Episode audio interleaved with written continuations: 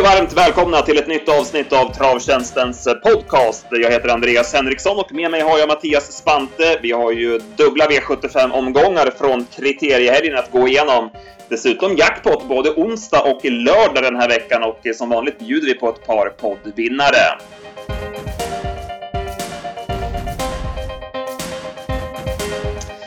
Ja, Mattias, eh, kriteriehelgen är över. Eh, hur är läget med dig? Jo, det är bra. Det är bra. Det var en trevlig, trevlig helg. Jag tycker kriteriehelgen är en av årets bästa så att, eh, ja, det var en grymt, grymt bra tre eller fyra dagar om man var på auktionen i torsdags också. Hur var det, auktionen? Eh, det var bra tycker jag. Det var ju bra tryck på, eh, på de hästarna som såldes och så vidare. Det gick ju upp, nu kan jag inte priserna exakt, men det var ju en rejäl ökning vad gäller både medel och medianpris så att eh, det var ju riktigt, riktigt bra på det viset så att det var, ja det var en hel del, hel del fina hästar. Då går vi på eftersnack V75 och vi börjar på lördagen V75 1 och eh, Delicious. Hon satte tonen på den här helgen direkt. Ja, det var, det var helgens höjdpunkt redan där tyckte jag. Det var ju, ja, det var ju ren och skär utklassning och hon, ja, hon, hon joggar ju 9-8. Ja, det var grymt att se. Eh, det var, det var riktigt häftigt och eh, det var ju barfota den här gången och hon skulle få sig en liten urblåsare och det kan man lugnt säga att hon, att hon fick. Men som du säger, hon, hon joggar ju den tiden. Det är ju det är mycket spännande att följa henne här nu framöver. Jag bara hoppas att hon får hålla sig skadefri. Ja, man får verkligen hoppas det så äh, blir, det, blir det kul att se. Det var ju lite kul, Örjan sa det att äh, han, han funderade på om han kunde få själv för att han körde för långsamt. mm, precis. Bakom eh, Evin Boko såg ju väldigt fin ut. Var det någon annan du tog med dig? Eh, Nej, det var väl ingen annan sådär. Georgie May tyckte jag eh, såg jäkligt fin ut i provstart och sådär. Hon, hon gjorde väl ett eh, klart vettigt lopp annars bakom där. Det var ju helstängt huvudlag på henne för första gången och jäklar vad snabb hon var från start. Ja, det bara small till ifrån, ifrån början där och nej, hon, hon satte spets. Det lät ju faktiskt dock på Örjan som att han hade kunnat svara upp om han, om han hade velat, men han tyckte att det behövdes inte. V75 2 var klass 2-finalen. Inte den bästa klass 2-final som har körts, får vi ju erkänna. Men eh, Marunning ska man inte ta någonting ifrån. Hon eh, är under kraftig utveckling och tog tredje raka segern. Ja, och Reijo har gjort ett riktigt bra tränarjobb med henne. Hon, ja, hon avgjorde ju väldigt lätt till slut får man säga. Det, ja, hon är lite småhäftig sådär och har ju verkligen ryckt upp sig här på senare tid. Bakom tycker jag man ska ta med sig Oceanic Clearance som eh, gick i jänkarvagn för första gången men kördes passivt och fick alldeles för långt fram.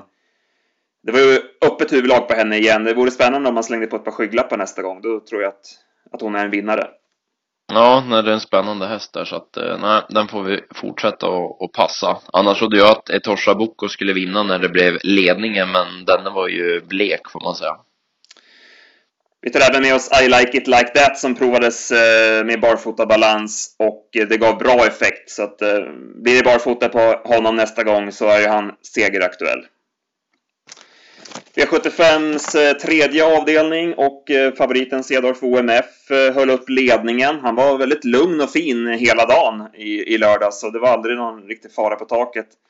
Sen var det lite till slut där, 50 meter från mål, att han var inte helt inte, inte så långt ifrån att galoppera. Och, men det redde ut sig och han vann ganska enkelt. Ja, han gjorde ju det och ja, det, det, blev ju inte så mycket till, eh, så mycket till lopp det här egentligen. Han, han höll ledningen så att uh, han, han var väl skyldig att vinna också på, på det viset. Men det var som du sa, han bröt ut lite där femte kvar och såg lite konstigt ut men höll ihop det.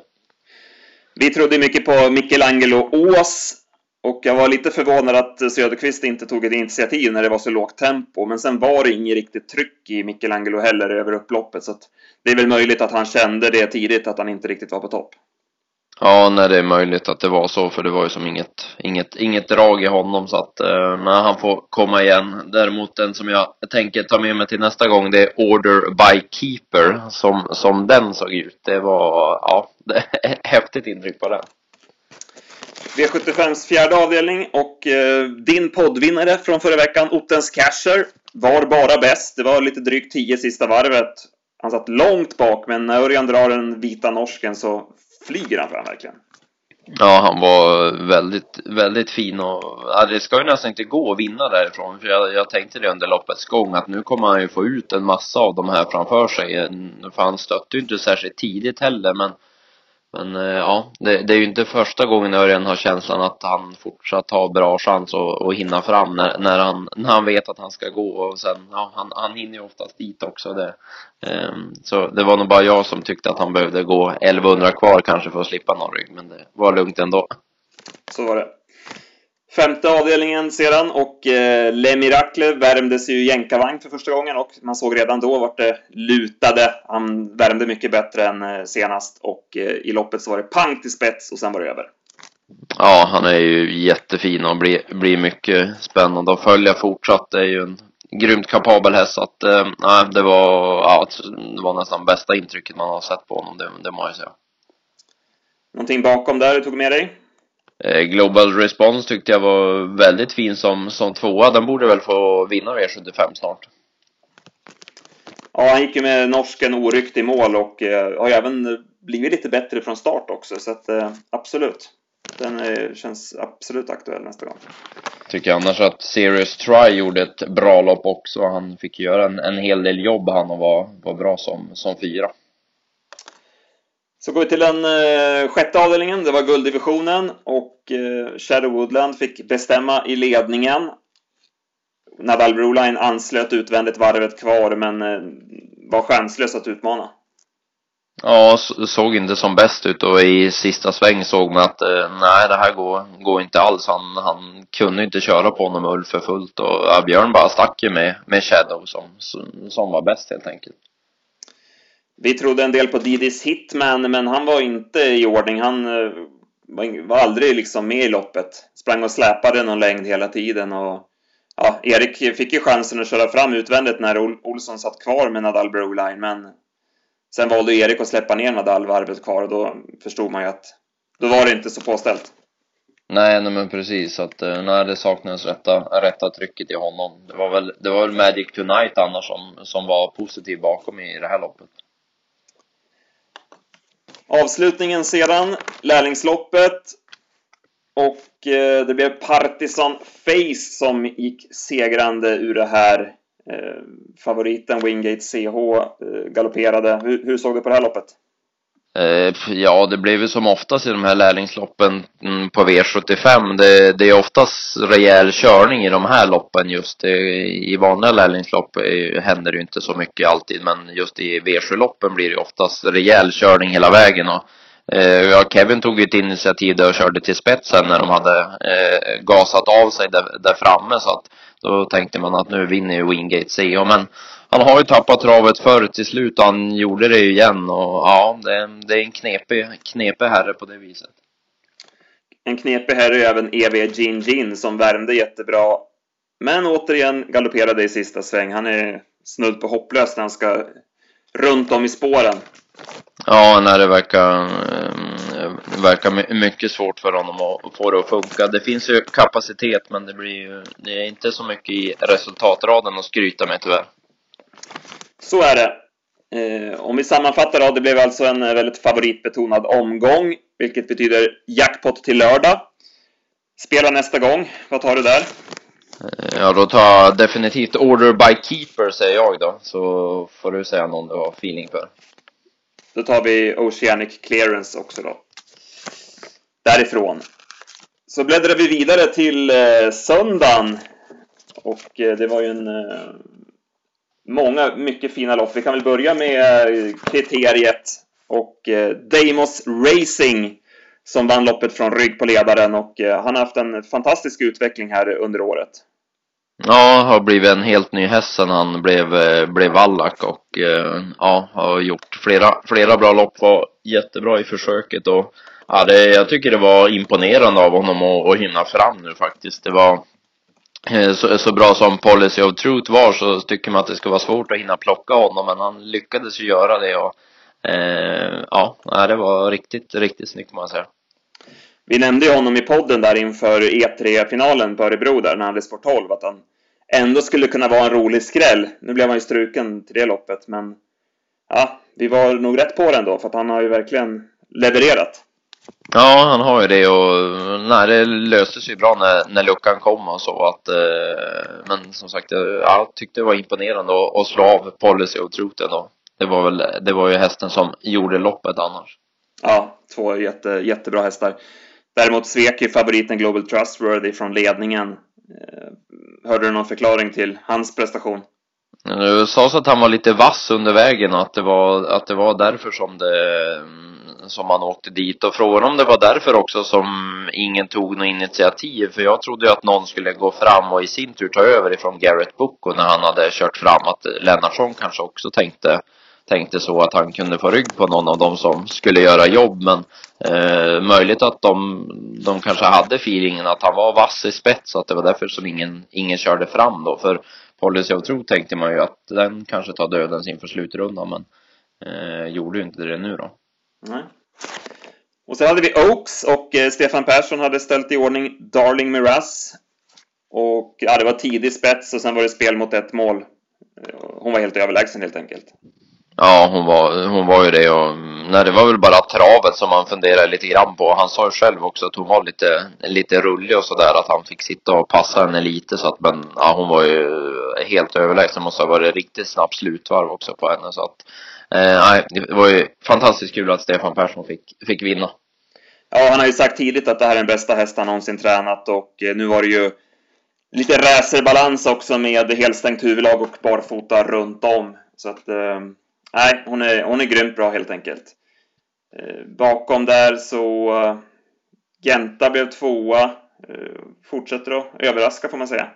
Ja, det får man ju verkligen säga. Jag fick ett bra lopp och Magnus hade ju feeling att han kunde vinna, sa han i, um, i sista sväng. Men när han vek ut så kände han att nej, det, det, det går inte och det gäller att försöka jobba in andra platsen i, i, istället då helt, helt plötsligt. Så att det, Eh, han såg väl att Darling var, var oslagbar i det läget. Experia Knick var ju annars en som var väldigt positiv igen. Hon sköt till vass som trea hon. Mm. I övrigt från eh, söndagen, vi hade ju tröstloppen. Eh, Kriterium Consolation till exempel. Vi pratade ju inför kvalen om att eh, det här med att alla hästar inte kommer med. Och en sån som D'Artagnan Sisu är ju ett klockrent exempel på det. Att han, han borde verkligen ha... En sån häst som borde varit med i kriteriet. Ja, han hade ju absolut inte gjort bort sig och ja, nu vann han ju åkande så ja, Ljuse fick slänga en, en lång blick över, över högeraxeln och se vart, vart de övriga tog vägen för ja, han var ju he, helt överlägsen. Han har ju lärt sig att springa bakom hästar också för att han har ju varit väldigt stänkrädd tidigare men ja, det är ju fantastisk utveckling på honom och Ja, den är en ruggigt fin häst helt enkelt. Ja, mycket spännande. Och eh, Oaks Consolation där så blev ju Cadelici över och eh, tog sig ut eh, regelvidrigt på upploppet. Där Gorgeous Boko vann eh, och gjorde det på ett mycket rejält sätt. Ja, hon var bra mm, och hon har ju visat tidigare att hon, att hon är bra också så där har inte riktigt lyckats just i de, i de senaste starterna men, eh, men var ju riktigt, riktigt bra nu och fick utdelning på det. Annars var väl Caddy var väl söndagens intryck man tog med sig hur hon såg ut när luckan kom. Ja, hon är ju sjukt, sjukt bra alltså. Det är ju lite för knepig bara från start fortfarande. Ja, hon har ju verkligen inte, inte fått till i de här stora loppen så att eh, hon, får, hon får ladda för, för nästa år hon helt enkelt. Eh, det, det har gått, gått troll i de här stora loppen i år. Och Erik Adielsson hade en bra söndag. Förutom att han vann kriteriet för första gången så satte han även dit eh, Bravo Navarone i Walter Lundbergs Memorial efter en bra styrning, offensiv styrning. Och eh, han nämnde vi i podden efter senast på det intrycket att han skulle vara aktuell nästa gång och han fick betalt nu verkligen. Ja, han var fin och nej, som du säger, bra, bra styrning av Erik också även här. I övrigt från söndagen, var det någonting som du klurade på där? Mm, ja, det var väl, jag gillar ju den apropå Oaks Consolation där, jag tycker den borde, den borde få vinna, vinna ett lopp snart. Remember Rivner, den den tycker jag är riktigt bra. Nu fick hon ju rätt så tuff press hela vägen den här gången och höll ju till, ja hon var ju trea i mål då för Caddy Lisieux var ju var ju före men hon fick ju andra platsen efter hon blev diskad och den, den måste få vinna lopp snart. Den är väldigt underskattad. Bra, då lämnar vi kriteriehelgen och eh, så blickar vi framåt mot den här veckan. Vi har en riktigt rolig spelvecka som sagt. Jackpot både onsdag och lördag. Ska vi börja med onsdagen, V86 Solvalla Bergsåker. Eh, vi har kollat lite snabbt på listorna. Vi får ju se Ridley Express. Derbyvinnaren eh, tillbaka. Så möter Tobin Kronos bland annat. Men du hade en idé i, var det avdelning 5 va? Ja, precis. Avdelning, avdelning 5. Det är inte riktigt lika bra klass som de här eh, uttagningsloppen till Europaderbyt. Men eh, däremot så V86 5 då på Bergsåker, just nummer 5.